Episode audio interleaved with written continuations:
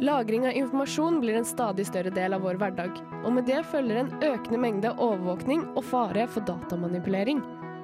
Vi i Uillustrert vitenskap skal derfor i dagens sending snakke om akkurat dette. Finnes det normer for hvordan man bør opptre på nettet? Er dataene våre sikre, eller er det lett å manipulere de? Og hvor går grensa for datalogging og overvåkning?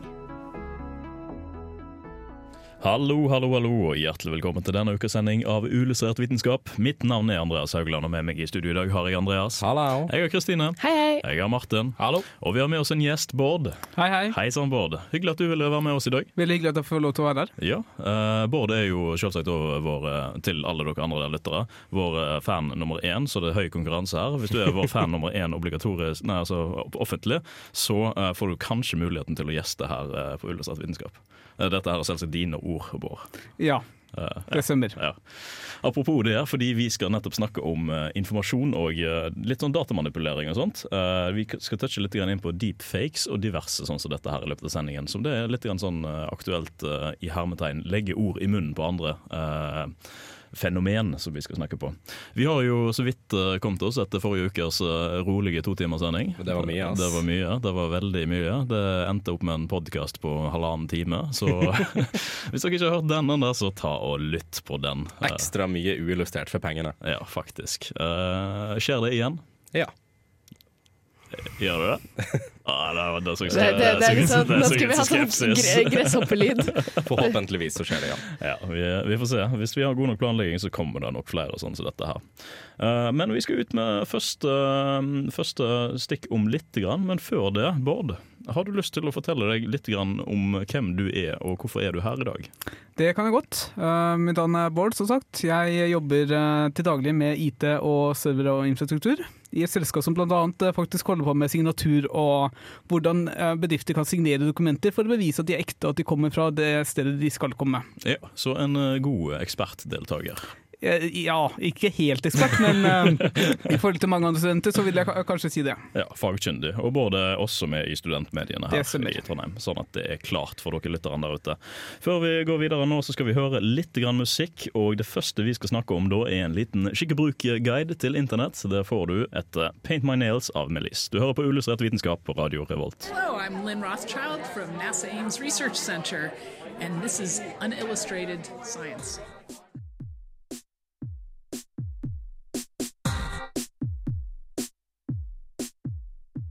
Wow, halla! Så deg ikke der. Har du hørt om den store, kule oppfinnelsen internett? Det er en strøm av informasjon i form av tall som flyter rundt i eteren. Hvor radikalt er ikke det?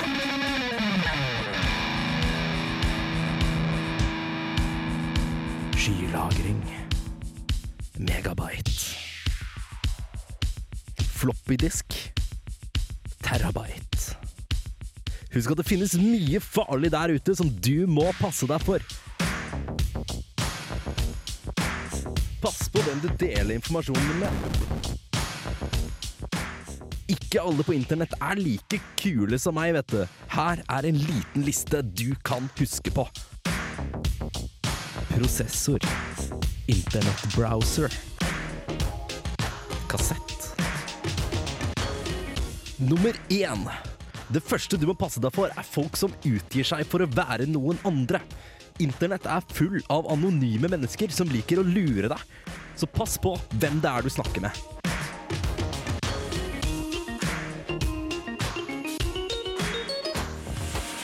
Nummer to. Pass på hvem det er du deler posisjonen din med. I dagens moderne verden er det vanlig å dele hvor du er, av praktiske grunner. Husk at ikke alle trenger å vite det. Google Translate. Minesveiper. Nummer tre. Pass på hva du laster ned til datamaskinen din. På samme måte som kroppen din finnes det virus på internett som gjerne vil infisere datamaskinen din. Invester i god beskyttelse på nett, hvis du skjønner hva jeg mener. Skylagring. Floppydisk. Ta vare på hverandre i den store, hvite eteren. Og husk, hvis du trykker på spacebar tre ganger, så kommer jeg for å hjelpe deg. Lykke til!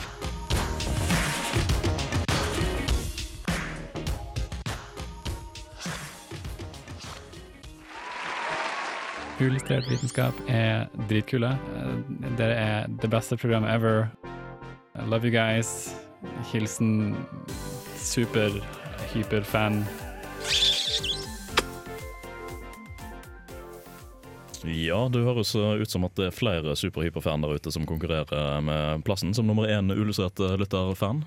Så ja, Ja. du må, du må stå på Ja, tåspissene hele tida. jeg skal forsvare det i dag. Ja, gjør det. Dette her var jo en uh, fabelaktig leksjon i internettsikkerhet uh, og nettvett, vil Ja. jeg si. Dette her er jo Jeg føler meg opplyst. Du føler deg Jeg føler meg litt opplyst. Ja, Følte du at det hjalp med disse små liksom, effektene som, eh, som fortalte om forskjellige ting som finnes på din datamaskin? Jeg lærte veldig mye om datamaskin. Så bra! Ja. Det var akkurat det jeg ville du skulle gjøre. Yes. Eh, men det er faktisk, eh, selv om den hørtes ut som en litt sånn tulleguide, så var det faktisk på å si, viktige leksjoner inni der gjemt veldig godt. Um, det er jo altså Spesielt det der med, med posisjonsdeling. Det er noe som folk ikke tenker så mye over uh, uh, i dag. Nei, men det er vel òg nesten by default på f.eks. Snapchat og sånt, er det ikke det? At man har posisjonsdeling på? Eh, jo, det mener jeg at det er. Det er sånn at du, du må gå inn aktivt for å skru det av. Ja. Um, men da er det ofte bare sånn delt med Dine eh, venner. Dine venner Ja. de du har. Så kan du jo òg legge opp sånn at du kan eh, dele det med kun spesifikke venner og sånne ting. Men det er jo fortsatt signaler som blir sendt ut fra telefonen din om posisjonen din. Um, og de kan jo noen hijacke, og så plutselig vet de hvor du er, og det er ikke helt bra. Um, andre ting òg er jo altså, apper og sånt. Uh, Last ned fra, fra AppStore. Det er jo kommet en fin trend nå med at de spør om tillatelser på ting. Um, og det er jo fryktelig mange apper som ikke trenger disse tillatelsene de spør om. Det at en um, et, uh, et spill uh, på Google Play eller et eller annet sånt spør om uh, stedsposisjonen din og spør om uh, uh, kontaktlista di. Ja, og tilgang til uh, meldinger og telefon. Ja. Ja. Angry Birds vil vite hvor du er. ja. Og det En tenker jo ikke over det så mye, og i tillegg så kommer det som en litt sånn plage, fordi um, man får som regel ikke lov til å installere hvis ikke man aksepterer alt.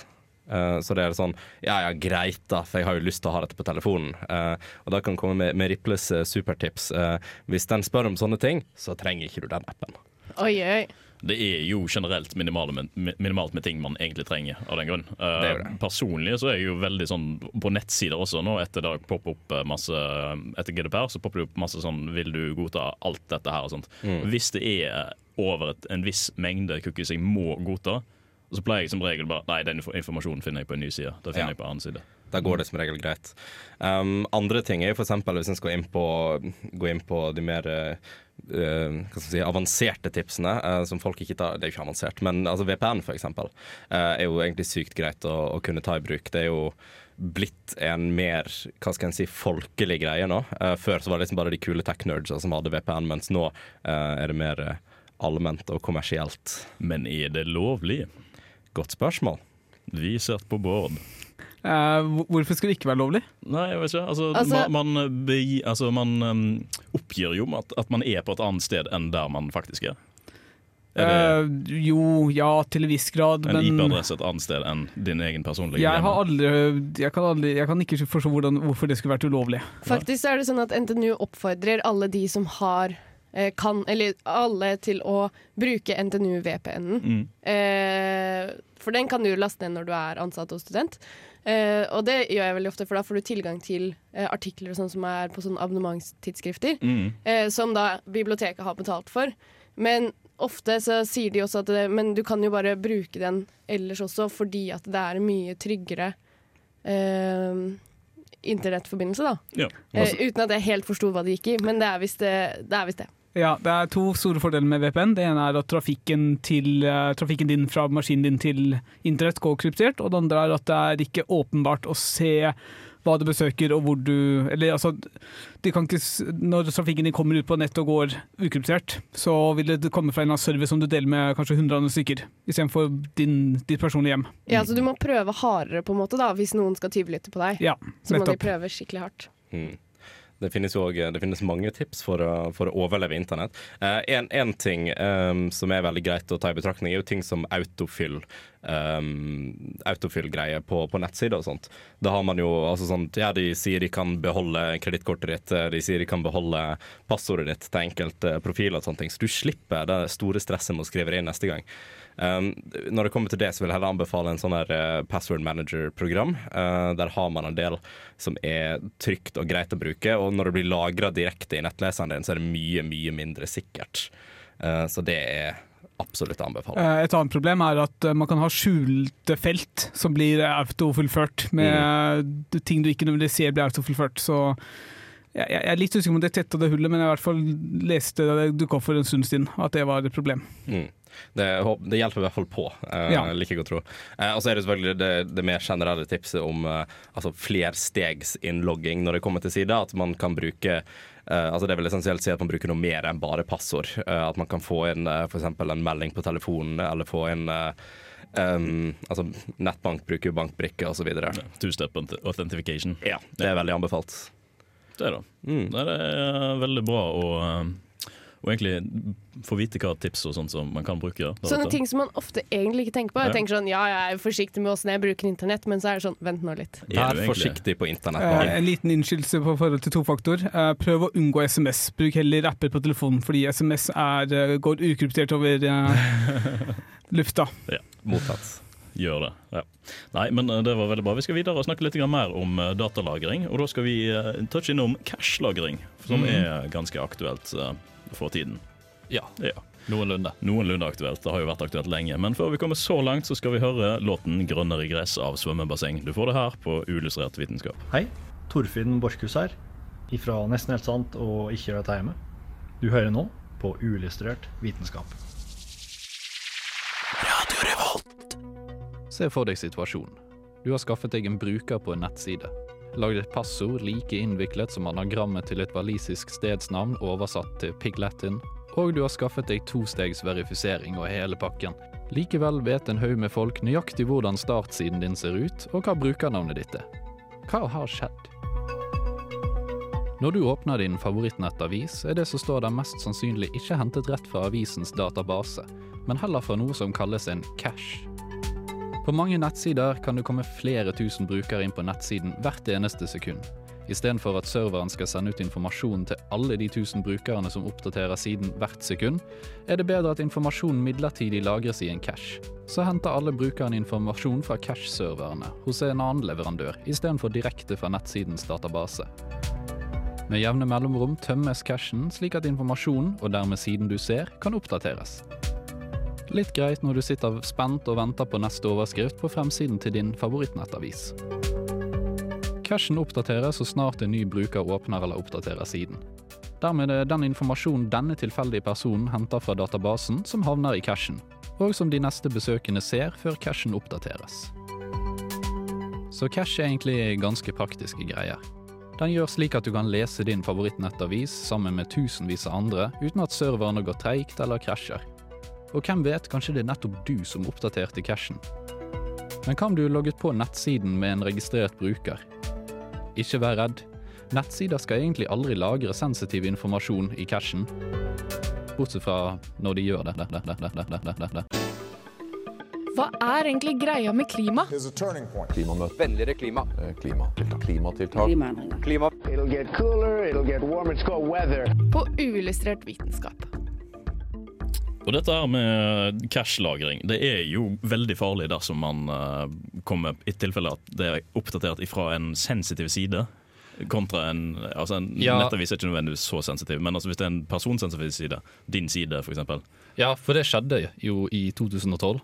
Da eh, var det en tilfeldig person sin alt-in-side som eh, havnet Som ble lagret i cash. Ja. Ja, det er sant. Når alle gikk inn, når du skulle inn på den siden, så kom alle inn på den personen sin side.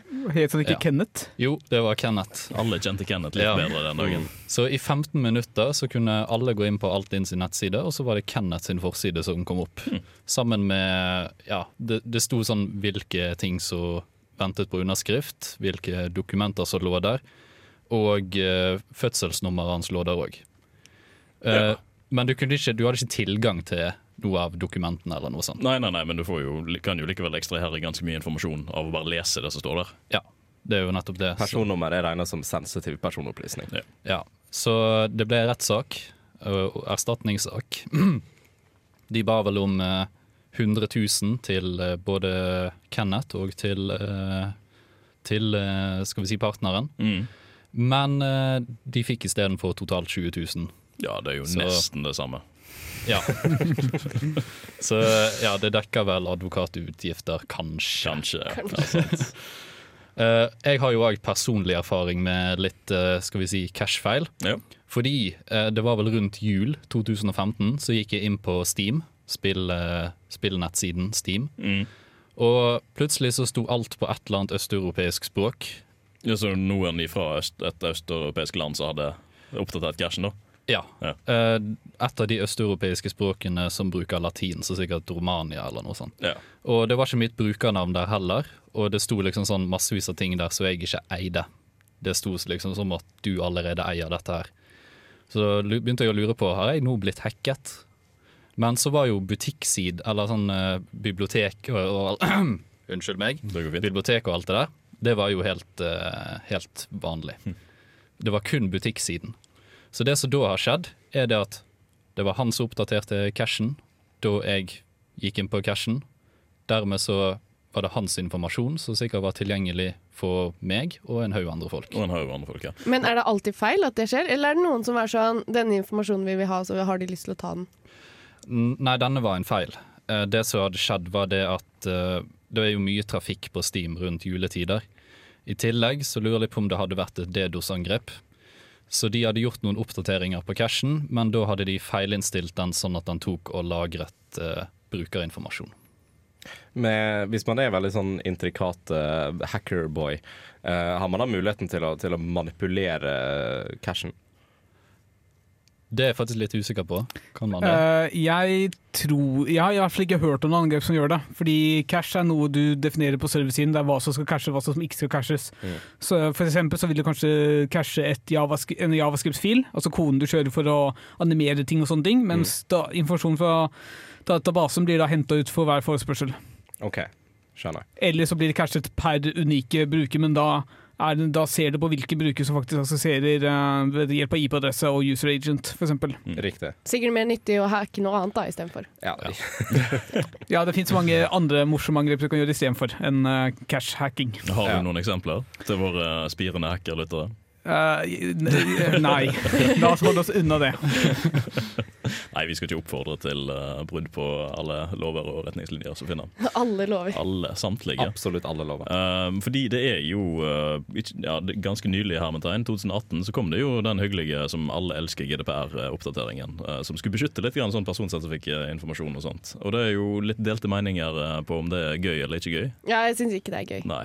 Uh, du kan jo fort uh, bare forklare hva GDPR er. Uh, ja, det er en ny lov lovgivning som EU innførte, som da gjør at alle selskaper må ha, en, ha samtykke for personlig informasjon de har. Eller ikke, de må ikke ha samtykke, men uh, de må ha eh, grunnlag for å lagre dataen de lagrer om deg. Ja. Som enten er av sikkerhetshensyn, eller fordi du har fått samtykke. Ja, og Det går òg ut på uh, ikke bare lagring av dataene, men også bruk av dataene i ettertid. Ja, og hvem du deler det med, og altså hva det skal brukes til, og hvem du skal dele det med. Ja, og det er jo, altså For uh, den gjennomsnittlige nordmannen så er jo det en god ting, egentlig. Sånn at man har, man har ikke så nødvendigvis mye mer kontroll på sine egne data, men man kan velge i større grad hvem man vil gi det til. Så det er jo sånn sett en bra ting. Du, får flere, du får flere spørsmål, Mm. rett og slett. Ja, Flere spørsmål. Men det som ikke er så bra derimot, er jo for uh, forsker. Ja, uh, det, det problemet man har uh, står overfor da, nå etter GDPR har kommet, er det med forskningsdata. For der samler du inn veldig sensitiv informasjon om mange mennesker eh, som du er nødt til å bruke for å, for å klare å forske. For at eh, prosjektet ditt det handler om denne informasjonen som det gir deg, og hvordan dette henger sammen, og statistikk og alt mulig. Så derfor er du nødt til å samle inn informasjon som du egentlig ja, du skal jo bruke de, men det er sånn, du trenger det ikke for å utøve en tjeneste til den personen. Du, må, du skal egentlig bare samle det inn, og så skal du analysere det. Så det er én person som er nødt til å sitte med alle disse dataene og jobbe med det. Eh, og selv om du har fått samtykke til å innhente den informasjonen, så er det da eh, strenge krav til hvordan man lagrer det og Mm. oppbevarer det. Og eh, det man har eh, fått problemer da, er at man har ikke infrastrukturen til det. Nei. Eh, ofte også vet man på en måte ikke hva som er greit og hva som ikke er greit. Eh, eksempel det med anonymiserte data. Eh, fordi at Hvis du gjør om et persons personnummer til en person 1, person 2, person 3, så er du på en måte anonymisert. Men det fins en nøkkel der som kan spore dette tilbake igjen. Og så er det sånn, er det greit? Er det ikke greit? Eh, man må jo ha disse nøklene. Mm. Eh, og eh, man står der og bare sånn Hva i all verden skal vi gjøre? Fordi vi må ha disse dataene for å forske, men vi har egentlig ikke lov til Eller det er strenge regler på hvordan vi kan lagre det. Altså Svakheten er egentlig en eh, litt for eh, høyt nivå av byråkratisering nå, uten infrastruktur. Ja, det er vel kanskje infrastrukturen som er problemet, men så sitter man der og bare sånn Å, GDPR! Hvorfor kommer du og ødelegger hverdagen min? Nei, ja, det er mange som sitter sånn. Jeg skal si det. Ja, fantastisk. Nei, Vi skal videre i sendingen og snakke litt mer om eh, hvordan dataene våre kan bli manipulert eh, videre. Og så skal vi snakke om eh, overvåking, om vi egentlig blir overvåket i det hele tatt. Og litt på dystopiske overvåkingssamfunn som kommer i fremtiden. Før vi skal mm, snakke om det, så skal vi høre siste resten av God natt søvn av Kongle. Du får det her på Radio Revolt. Fornybart. Jeg vil ha enda mer! Ren energi. Det må jeg si var helt OK. Karbonnøytral produksjon. Mm. Parisavtalen. Fantastikk. Bærekraftig utvikling. Å, det er akkurat det jeg vil ha! Resirkulering. Ja!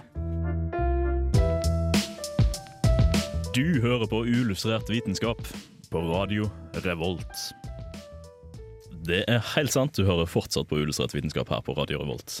Vi har jo nå touchet litt inn på nettvettregler og datalagring, eh, men hva kan man egentlig gjøre med all dataen? Det er jo veldig mye manipulering man kan gjøre både for å spre informasjon og for å hente informasjon, men eh, kanskje det mest eh, interessante er jo å se på eh, eh, manipulering for å spre det.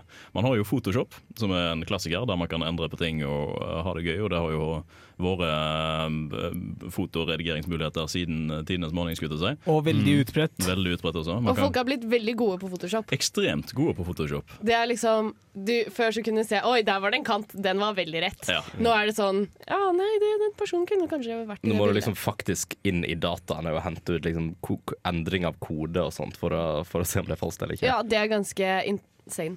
Man kan se på pikselendringer. Sant? Det kunne man gjøre i mye større grad når det var snakk om at man brukte større piksler, men det er jo mye mindre piksler på en generell skjerm nå, altså høyere oppløsning. Så det er jo vanskeligere å oppdage disse her kurvene, som man sier. Altså, og, og sånt. Alle Ja. pikselendringene.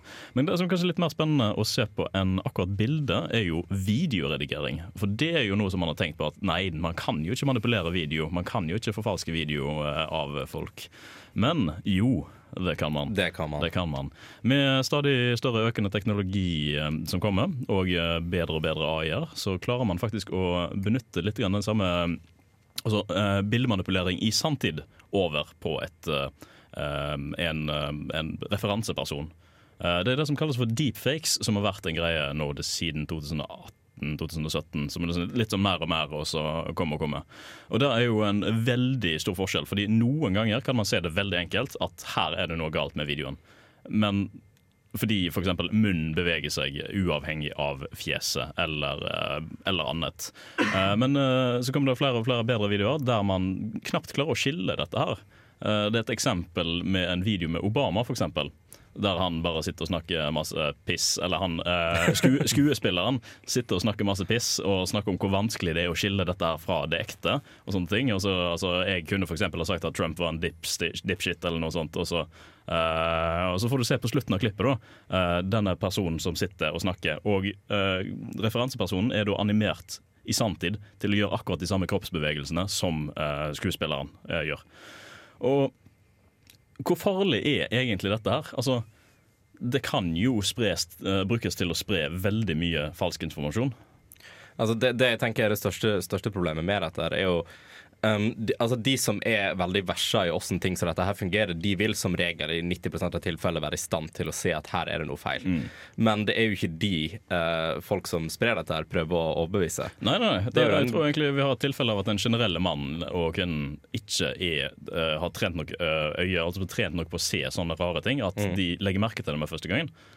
Og jo mer tid som går, jo eh, mer usynlig blir det på en måte at det er redigert. Det blir det også. Ja. Sånn, man, sånn som man blir flinkere på Photoshop, så blir man så flinkere med disse videogreiene. Mm. Det er jo bare spørsmål om Og man lærer jo òg veldig fort hva eh, folk reagerer på, og hva som liksom er Altså, man, man lærer mer, egentlig ganske mye psykologi innenfor dette, da, Mm. fordi at man lærer hvordan folk, eh, folk blir, oppfatter eh, disse videoene, oppfatter hvordan det skjer, og så er det mulig OK, hvis det var så lett, så kan vi jo prøve dette. Ja, ja, sant. Det er kjempefarlig. Og dersom det blir fanget opp av et uh, mediehus som er veldig stort, uh, som skal fronte et politisk synspunkt ifra den og den vinklingen, så kan det jo være veldig farlig. Men da har man jo kryssjekking av kilder, mest sannsynligvis, og går opp til uh, den skalaen. Eh, Jeg har et annet konkret eksempel. Jeg tror det er i Tyskland, hvor eh, for å få et ID-kort, så må du faktisk møte opp personlig et eller annet sted og vise at du er den du er. Men nå, i det siste, så har de godtatt videointervju. Å nei.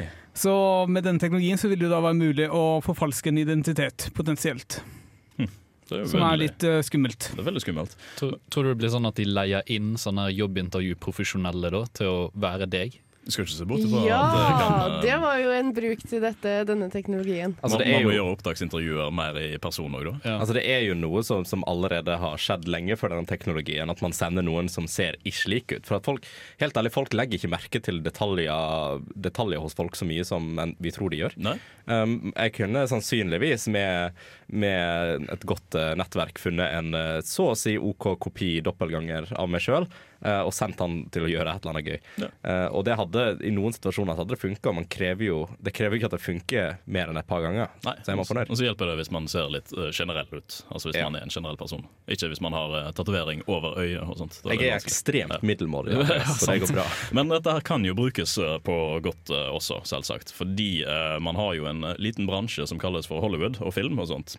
Mm. Så den teknologien kan jo benyttes til å få inn eh, altså jeg da en skuespiller til å eh, mime over eller si noe som en da avdød skuespiller skal si, f.eks. Uh, eller ja, altså hvis det har skjedd under en filmproduksjon. Var det det beste du fant på at var bra? For? Ja, egentlig. Men Eh, er det nødvendigvis bra? Nei, det er jo òg en uh, diskusjon. Altså, det er, teknologien er der for positivt også, ikke bare fordi eh, dette her kommer til å bli ende opp i et dystopisk eh, helvete uten sidestykke. En, det, hvis du skal liksom inn på filmverdenen, og sånn, så vil jeg se for meg at det uh, Et mer positivt eksempel vil være det at nå har man mindre filmstudioer som kan oppnå mye høyere produksjonskvalitet Mm. uten å måtte blæste alle pengene sine per prosjekt. Så det kan være billigere å produsere sånne ting. Jeg likte det argumentet mye bedre. Tusen takk. Tusen takk. Jeg er her i kveld. Ja, hele kvelden. Men dette er jo egentlig ikke så veldig relevant for film, fordi uh, du kan jo, har jo lenge hatt mulighet til å redigere klippen i etterkant. Det er jo det at det er i nåtid som er interessant for Mm, eh, mm. Altså, Kost, kostnaden går jo ned siden det er nåtid. Du kan gjøre det fort, i stedet for å sitte og ta den filmrullen ett og ett bilde. Men sånn livestreaminger og sånn, liksom. Ja, jeg tenkte på liksom livestreaming og sånt. Det er da det er interessant for hvert fall kriminelle og i forhold til liksom de som vil spre misinformasjon. Altså gjøre et live-intervju som en annen person, f.eks. Ja. Mens i Hollywood så kan du bare OK, jeg kjører skript som bare endrer eh, denne personen til en annen person. Ja. Og så kan det godt ta et døgn, liksom. Kan vi, kan vi eh, i fremtiden ha en eh, sending av Uillustrert vitenskap uten at noen av oss er her? Du kun, uh, kun Video deepfakes. Kun Illustrert. deepfakes som snakker med hverandre. Det finnes en podkast som eh, gjør akkurat det der. Det gjør det? Ja, eh, som tar Der eh, hosten intervjuer deepfakes, eh, basically. Som, eh, som er kjente personer som aldri ellers ville dukket opp på den podkasten, eller avdøde personer. Gøy. Ja. Men kan man bruke de ansiktene man vil? Vil det ikke være noe Altså, Hvis man snakker om f.eks. avdøde personer. Det må jo være en eh, noenlunde referanse i forhold til bevegelsene du skal gjøre. Altså Hvis skuespilleren skal bevege seg i hytt men eti etisk sett, da. Etisk sett, nei. Det er jo uh, rettigheter til personer. Altså Så vidt med avdøde er jeg litt usikker på, for der tipper jeg det kommer mye det samme med kunstrettigheter, musikkrettigheter, lydrettigheter. Altså, Det skal være så og så lenge tid før man er uh, public domain. Ja, okay. Så jeg tror man kan bli sånn public domain etter man dør? Kanskje, kanskje. Å gud, Mulig. for en dystopisk verden. Det er helt sant. Og vi skal snakke litt mer om det etter denne låten som kommer nå, for da skal vi faktisk gå videre til dette. Uh, deepfakes er fortsatt kun på uh, veldig lavterskelnivåer. Det er ikke så mye som brukes der ennå, mest pga. folk er veldig redd for uh, konsekvensen av det. Det er veldig mye moralsk man må ta, opp, ta stilling til, uh, og alt dette, sånn som vi har prøvd å touche litt inn på. Men eh, det er potensielt veldig eh, skummelt hva man kan gjøre med det. Og litt spennende, selvsagt, for AI er jo clickbait. Vi skal høre først her I Am Losing Touch av The Modern Times. Du får det på Ulsrett vitenskap på Radio Revolt. Because I can tell you something, and then you just look at me and say I'm crazy. What do you think tap water is? It's a gay bomb, baby. Altså, det er en ting du må forstå, og det er jo at vaksiner faktisk gir autisme. Myndighetene prøver bare å sprøyte oss gjennom flystriper og chemtrails. Feministene tar over verden, og det er regjeringa sin skyld. Nå er ikke jeg noen ekspert, men det her er jo åpenbart. Det er snø i mars i Trondheim, så jeg har ikke sett noe til global oppvarming. Og så må vi jo snakke om 9-11. Alt er bare en konspirasjon. Og det passer jo veldig fint, eh, fordi vi skal snakke om nettopp eh, Blir vi egentlig overvåka? Ja, i, dette, i, i, i den dagen i dag. Ja. Eh, jeg har samlet sammen tre spørsmål til dere. Ja. Eh, det første er kan vi bli overvåket?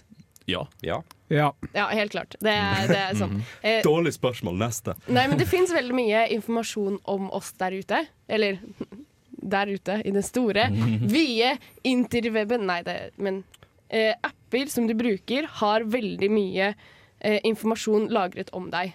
Eh, og eh, vanlige apper som alle sammen bruker, sånn standard Snapchat, Facebook, LinkedIn, Twitter, de har posisjonsdata, og de kan eh, ta, ta bilder av deg og lagre de selv om du ikke tar bilder med appen. Eh, og de kan ta opp video av deg selv om du ikke tar opp video i appen. Men det, sånne ting så det krever jo samtykke gjennom din telefon, gjennom din programvare. i de fleste tilfeller. som oftest så har man eh, Så oftest så har man samtykke til dette gjennom terms of agreement. Ja. Eh, og eh, Så de kan gå inn og gjøre det. Men spørsmålet er eh, om man gjør det da eller ikke. Men det er, sånn, det er full, fullstendig mulig, og også det er en inngangsport for hackere. Eh, det å kunne gå inn på appene dine da, og uh, bruke de til Mm. å ta opp og lagre informasjonen der. Det er jo bare å finne fram den gamle teipen eh, kameraene. Ja, foran frontkamera, så de ikke kan se trynet mitt. Jo, jo, men altså, det er en ting. Den greia man gjør med webkamera på PC-er og alt mulig sånt for å unngå Uh, nye PC-er har faktisk en sånn slider innebygget som gjør at du kan dekke over kamera. Ja. Min uh, PC på jobben har det. Ja, mi- jeg tror mitt webkamera hjemme har det. Ja, så det er, uh, det er på en måte en eh, hindring mot dette, da, fordi at eh, neste spørsmål er Blir vi overvåket? Definisjonsspørsmål, tenker jeg der. Eh, frivillig, ufrivillig loggføring, som eh, da er egentlig ganske synonymt med overvåking. Ja. Helt ærlig, jeg tror ikke at jeg er interessant nok til å bli overvåka. Nei, men, Det eh, er et veldig vanlig argument. ja, men dataene dine er ekstremt uh, interessante i den store, meng Det kan jeg i store meg. Mm. Det er ekstremt spennende å se på for folk som skal gjøre markedsundersøkelser og produktutvidelse, altså produktekspansjon for uh, den generelle befolkningen. Men det, det, det er jo også en ting, fordi at det, dine data, uh, og på en måte ikke nødvendigvis liksom deg som person, men eh, det du er interessert i som de kan bruke til å eh, som, hva heter det, som markedsføring til deg, det er informasjon som er veldig verdifull. Det betyr at du kan selge den for ganske mye penger. Mm. Og det styrer på en måte ganske mye av dette her. Da. At man, noen eh, selskaper samler inn informasjon som de da, hvis de er riktig så uærlige, selger videre, sånn at eh, de kan tjene penger på det. Eh, og ikke sånn for at de skal bruke det selv, fordi eh, ofte så er det jo sånn at man har lyst på data. Eh, nei, man har lyst på tilpassede mm, tilbud. Det har man jo gjerne lyst på. Sånn, hvis du kjøper veldig mye melk, så har du lyst på tilbud på melk. Pleier du å kjøpe melk på nettet? Nei, men altså, du får jo det gjennom eh, sånn eh, kundeprogrammer i eh, Ja, ja, dagligvarebutikker og sånn også, og det er det det går i. Eh, men også er det spørsmålet da, blir vi overvåket? Eh, og det har jo vært Det med Edward Snowden i USA har jo oppdaget sånne overvåkningssaker hvor folk har blitt overvåket.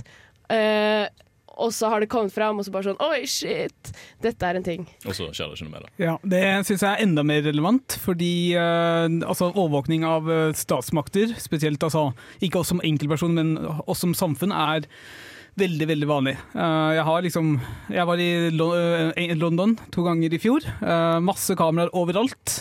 Eh, det er sikkert så mye data de ikke klarer å se gjennom alt engang, men de bare har det for hvorfor ikke, i tilfelle noe skjer.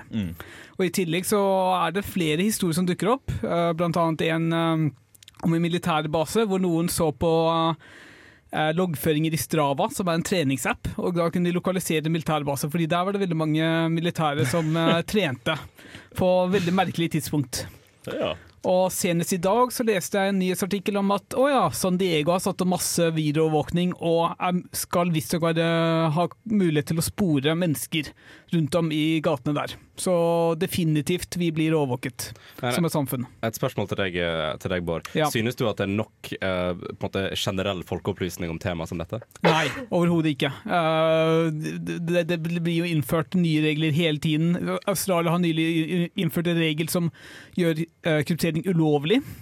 Hæ? Eh, det er mulig jeg har skjønt det litt feil, jeg har ikke lest saken grundig, Nei. men de har en krypteringslov som Enten skal gjøre det ulovlig, eller bare gi, en, uh, gi regjeringen bakdør eller noe sånt. Uh, har sagt at flere bedrifter kommer til å, sikkert til å trekke seg ut av landet av den grunn. Ja, men det er jo fullstendig forståelig. Det er jo ekstremt ekstremt viktig at man kan kryptere dataene sine. Uh, eh, eh, Storbritannia har også masse regler rundt dette som de innførte i nyere tid, som bare altså, legger ned eh, skjul, altså lokk på ytringsfrihet og frihet generelt. Eh, For grunnen til at folk har lyst til å gjøre, eller grunnen til at statsmakter gjerne sier at eh, legger sånne lover, er jo fordi at man har lyst til å oppdage terrorister, f.eks. Når de plotter sammen for å lage et angrep, så har man lyst til å kunne catche det og si sånn Aha, nå skal vi arrestere dere før dere rekker å drepe mange tusen mennesker.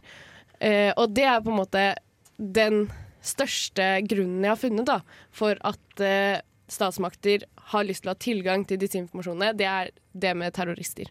Og det å kunne oppdage terrorister. Og da, eh, gjerne også så har man muligheten til å på en måte tappe seg inn på alle og fange opp ganske mye data. Eh, men man gjør det bare på de som er eh, i en sånn slags definert eh, høyrisikogruppe, da.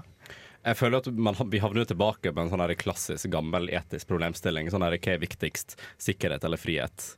Eh, jeg jeg syns det, det blir litt sånn når vi snakker om det på denne måten, at de begynner å ha restriksjoner på liksom, friheten til folk for å nettopp bruke, bruke det til sånne formål som å hindre terrorisme, så blir det litt sånn Ja, det blir litt etisk uh, ulempe der, da. Eh, jeg har faktisk lest om litt forskning før. Det var, jeg fant ikke så veldig mye, men jeg fant to artikler angående dette. her, Og de sa begge at masseovervåkning ikke var kostnadseffektivt overhodet. Mm.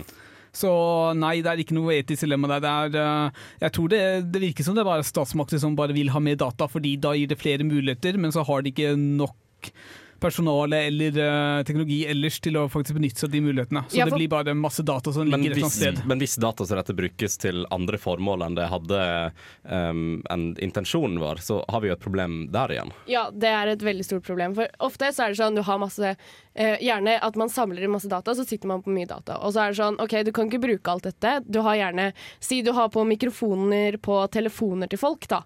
Eh, så bruker man det gjerne ofte ikke til så veldig mye annet enn ordgjenkjenning. Til å kjenne igjen sånn derre eh, catchword som du kan bruke til markedsføringen. Eh, men så har du på en måte at hvis du setter deg ned Hvis noen setter seg ned og har lyst til å bruke de dataene i en Si til ondskap, da. Så, så er det mulig. Og så fant jeg Datatilsynet hadde gått inn og sjekka. Du kan eh, gå til et firma du si at eh, 'jeg har lyst på alle dataene du har om meg'. Det kan du si. Og så, må de sende deg alt dataene. Og dette er da en eh, person jeg fant på Datatilsynet, eh, som hadde sendt inn til sitt teleselskap, der han har mobilregningen sin, eh, hva slags informasjon de hadde om han. Og de hadde jo egentlig bare klokket GPS-signaler, men ut ifra de dataene så hadde de tolket hvor denne personen bodde. Eh, eh, og hvor han jobbet, og hva slags hans utebaner var. Du så f.eks. at eh, vedkommende hadde en eh, dårlig periode da, hvor han dro veldig mye sånn Veldig mye ut på byen, eller i et område der hvor det er veldig mange eh, utesteder. Og så hadde han en periode hvor han ikke gjorde det, og så var det sånn Oi, her var det noe sketchy. Og så er det sånn Dette er det veldig mange Hvis du faktisk går inn i dataene og eh, setter de sammen, så kan man få veldig mye eh, kunnskap da, om en person. Jeg tenker Plutselig så får du en melding bare sånn Går det bra? Vil du snakke om det? Vil du snakke om det. Men også det at eh, man eh, Det var jo en sånn ting som var Jeg vet ikke om de har endret på det, men at man også da kunne få innsyn i eh, de man delte regning med.